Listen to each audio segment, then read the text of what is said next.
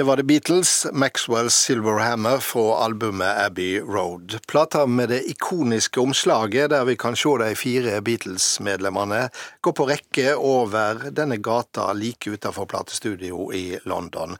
Og da er vi i grunnen rett eh, inne i det vi skal snakke om, for nå skal det handle om konspirasjonsteorier. og akkurat denne plata, eller rettere dette omslaget, det ble jo opphavet til en slitesterk eh, teori om at Paul McCartney egentlig er død. Anders Giæver, kommentator i VG. Det er en historie som du helt sikkert kjenner? Ja, eh, plateomslaget var i hvert fall et av de aller viktigste bevisene i, den argumentasjonen for at Paul McCartney da skulle vært død i en bilulykke et par år tidligere, men at man hadde funnet en dobbeltgjenger og liksom holdt ham i live fordi man hadde ikke råd til å oppløse The, Beatles, eller ingen ville oppløse The Beatles. Og da er det sånne rare ting. Jeg tror det er nummerskiltet på den folkevogna som står i Abbey Road, der står det 28 if, tror jeg er eh, IF, er nummer, og det betyr at han Eh, at han var 28 år gammel hvis han hadde fått leve. Mm. Og det er også noe med de forskjellige rollene de har når de går over eh, Abbey Road. En er prest, en er Paul McCartney er barbent, og det betyr død på guatemalsk eller et eller annet sånt. Mm. Og, ja, en er sørgende, så Og, og Joss Harrison han går sist i dongeribukse og, og, og, vanlige klær, og han skal da eh, symbolisere den som graveren ja, i dette. Graveren. Så dette forutsetter at eh, man setter i gang en kjempeoperasjon for å skjule at Paul McCartney egentlig er død. Samtidig legger man ut mange spor Mm. Sånn at fansen skal kunne klare å regne seg eh, til det i det hele tatt. Og det er vel noe ved konspirasjonsteorier, akkurat det at en eh, legger ut en del spor som hver for seg kan ha noe for seg, i hvert fall er spennende å, å, å leke seg med. Ja, og denne konspirasjonsteorien er veldig interessant i hele sånn rykte- og konspirasjonsforskning. Inntil da så hadde man en teori som ble utviklet under annen verdenskrig, at rykter oppstår av øh, hendelse ganger uklarhet. Hvis du ser et eller annet skje, og du får ikke vite helt hva det var som skjedde, øh, så vil ryktene på en måte fylle det vakuumet av manglende informasjon. Og man fant ut da under eh, blitzbombinga av London at hvis folk ble ordentlig godt informert om hva som faktisk skjedde, så eh, bevarte de roen, og det oppsto ikke masse sånne eh, rykter om at man måtte evakuere og sånne ting. Men denne Paul McCartney-teorien var den første som egentlig motbeviste den. For jo mer Paul McCartney gikk jo faktisk ut og dementerte at han var død. Han sto fram og, var, tok imot på godset sitt. Han har jo dementert en gjentatte ganger senere. Man plater og i det hele tatt. Men hver eneste nye plate og hvert oppslag ba bød på nye spor ja. for disse. Så det, det, var på en måte en, en ny fase i konspirasjonsforskningen, dette her.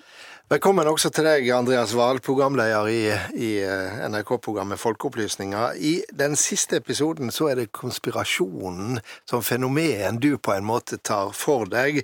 Og der bygger du opp en, en eh, konspirasjon ut av nesten ingenting, som er veldig fascinerende å følge, må jeg si. Hvordan, hvordan tenkte dere når dere gjorde det, og fortell litt hva dere gjorde for de som ikke har sett det. Ja, vi eh, Hele denne sesongen av Folkeopplysningen har jo handlet om manipulasjon. Og da vil vi også vite hvordan vi eh, kan manipuleres nettopp av konspirasjonsteorier. Og noe annet nytt i denne sesongen er at vi selv er, er aktive eh, og sprer bullshit. Som vi det, har vi, det har vi fått på oss. Ja. på mange måter. Og i den siste episoden så eh, lagde vi vår egen konspirasjonsteori eh, og forsøkte da å hente inn alle disse og flere av de elementene som, som Anders eh, nevner. Og, eh, og vi Vår konspirasjon er da at elbilene og elbilpolitikken ikke er et, et, klimavalg fra politikerne, men at det skyldes overvåkning. At med nyere og moderne biler så følger det også muligheter for å overvåke oss med kameraer med GPS-rapportering eh, osv. Og så var jo ønsket vårt at folk skulle eh, henge med en stund. Kanskje i varierende grad og varierende lengde. Eh, men den, og at de fleste da skal falle av på et eller annet tidspunkt før vi selv avslører eh, det hele. Eh, og i den, eh, i den prosessen der man selv innser at dette er for drøyt, nå vet jeg ikke helt om jeg tror på dette, hva er det som skjer her? Eh, I den håper jeg at det er en, en opplevelse som, som, som starter noe, noe, refleksjon eh, hos hver og enkelt på hva er det vi tror på, og hvorfor tror vi på ting?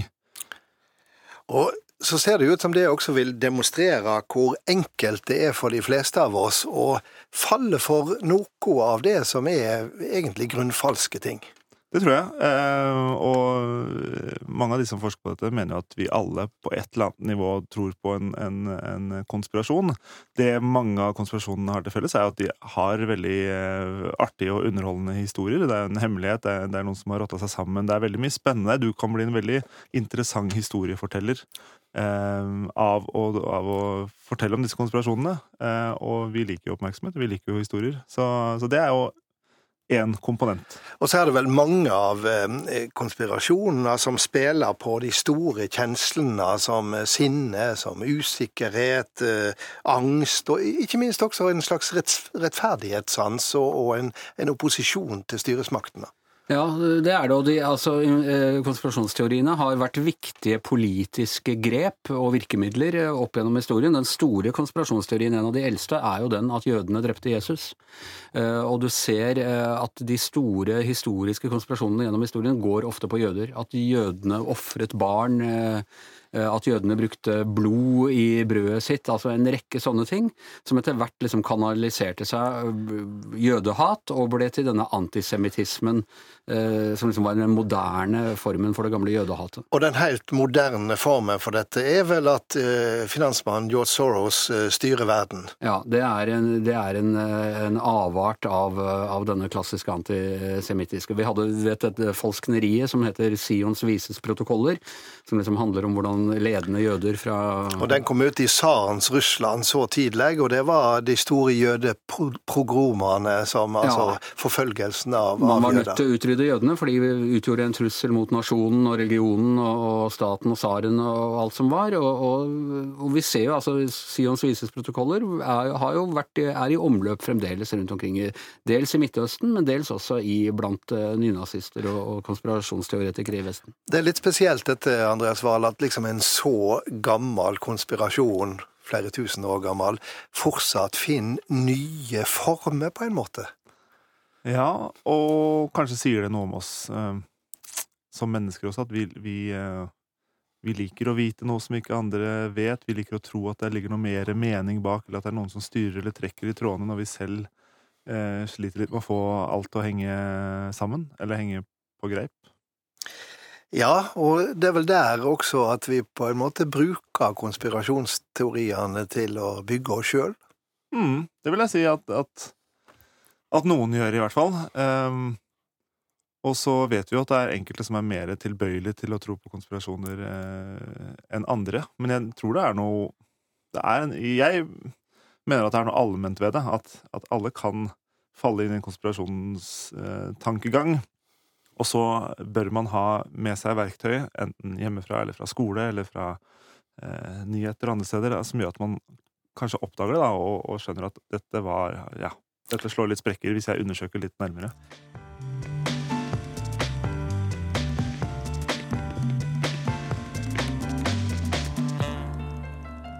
Ja, Andreas Wahl og Anders Giæver er i studio, og vi snakker om eh, konspirasjonsteorier og deres betydning i, i vår tid. Og den såkalte Pizzagate-historien er mye omtalt. For den 4. desember 2016 så går en væpna mann inn i en pizzarestaurant i Washington DC.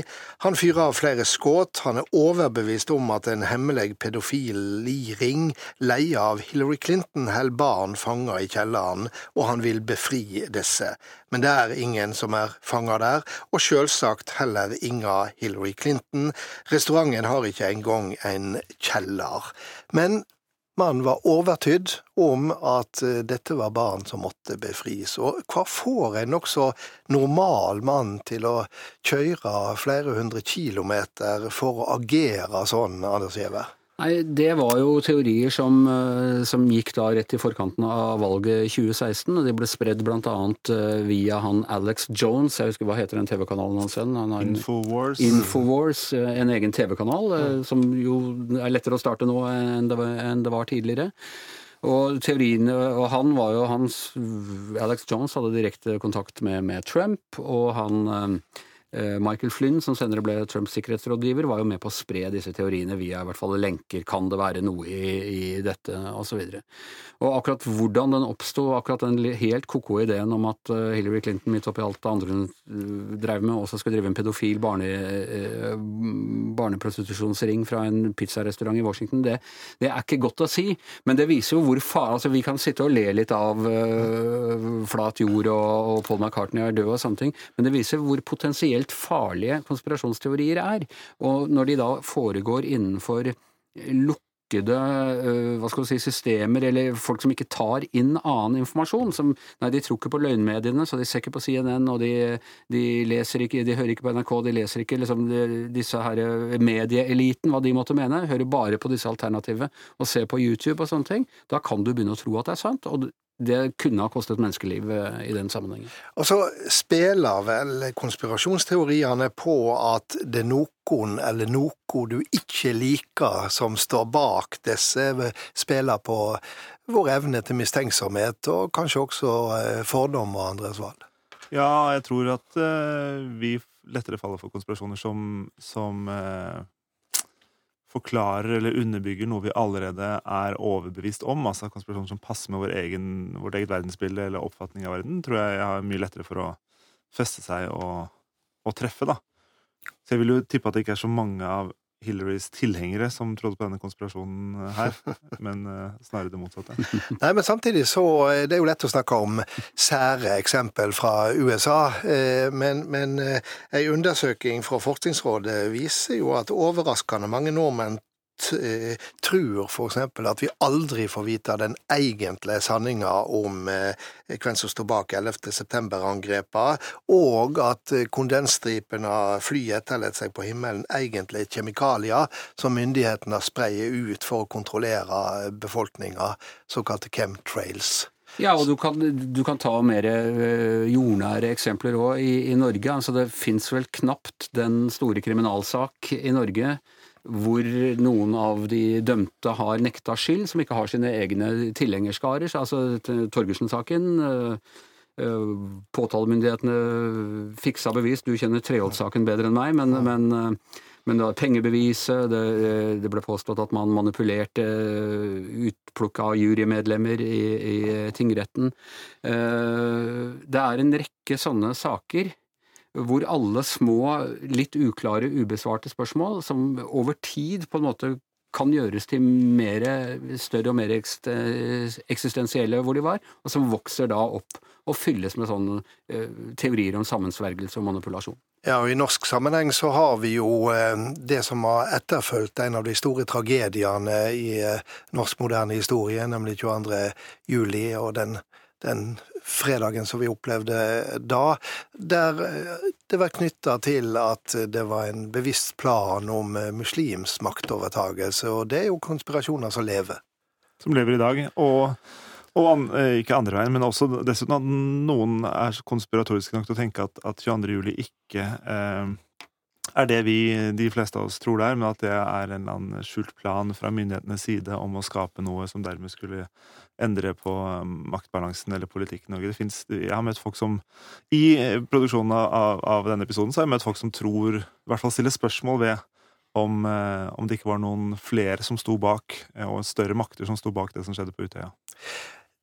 Altså, Spredning av konspirasjonsteorier har jo endra seg dramatisk eh, opp gjennom eh, tida, og aldri mer dramatisk etter at eh, internett, sosiale medier, ble det store plattformer der vi snakker sammen. Og får disse teoriene en større makt, større utbreding nå, at de rett og slett er farligere? Ja, det gjør de helt opplagt. Altså, jeg hadde en sånn fetisj på, på Kennedy-drapet da, da, jeg var yngre. Og Du kom over det? Eh, jeg kom over det etter hvert, ja. Eh, men, eh, men Eh, da Kennedy-drapet var rundt ti år gammelt, så begynte disse teoriene å oppstå. Det var ikke noen særlig påstander om det før det. Og på den tiden så måtte du da finne sånne sære, obskure hefter og bøker utgitt på egne forlag, ikke til salgs her i Norge, bestilles på postordre og sånne ting, for å, å få fòret denne interessen.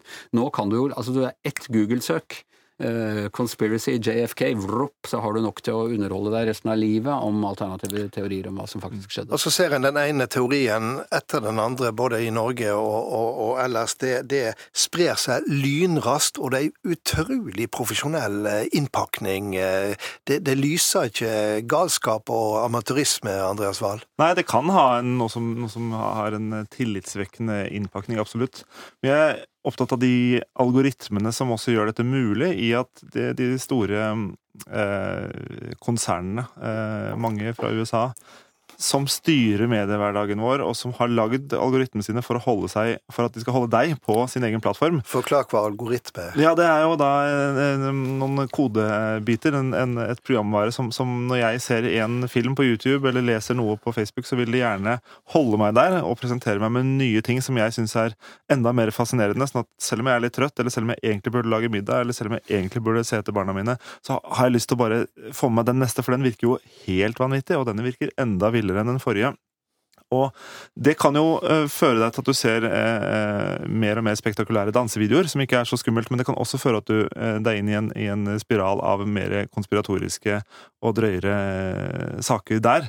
Så det, det, ligger i naturen, og så gjør kanskje ikke disse plattformene det de bør i å begrense spredningen av, av falske nyheter og konspirasjoner. Amerikanske presidenten han slår tilbake og kaller all kritikk for heksejakt, eller alle motstandere for løgnere.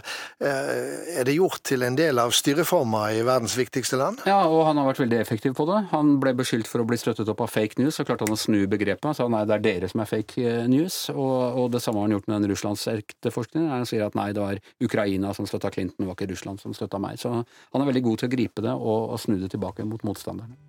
Mykje å um, tankevekkende å ta med seg. Andreas Wahl og Andre, Anders Giæver, tusen takk for at det kom.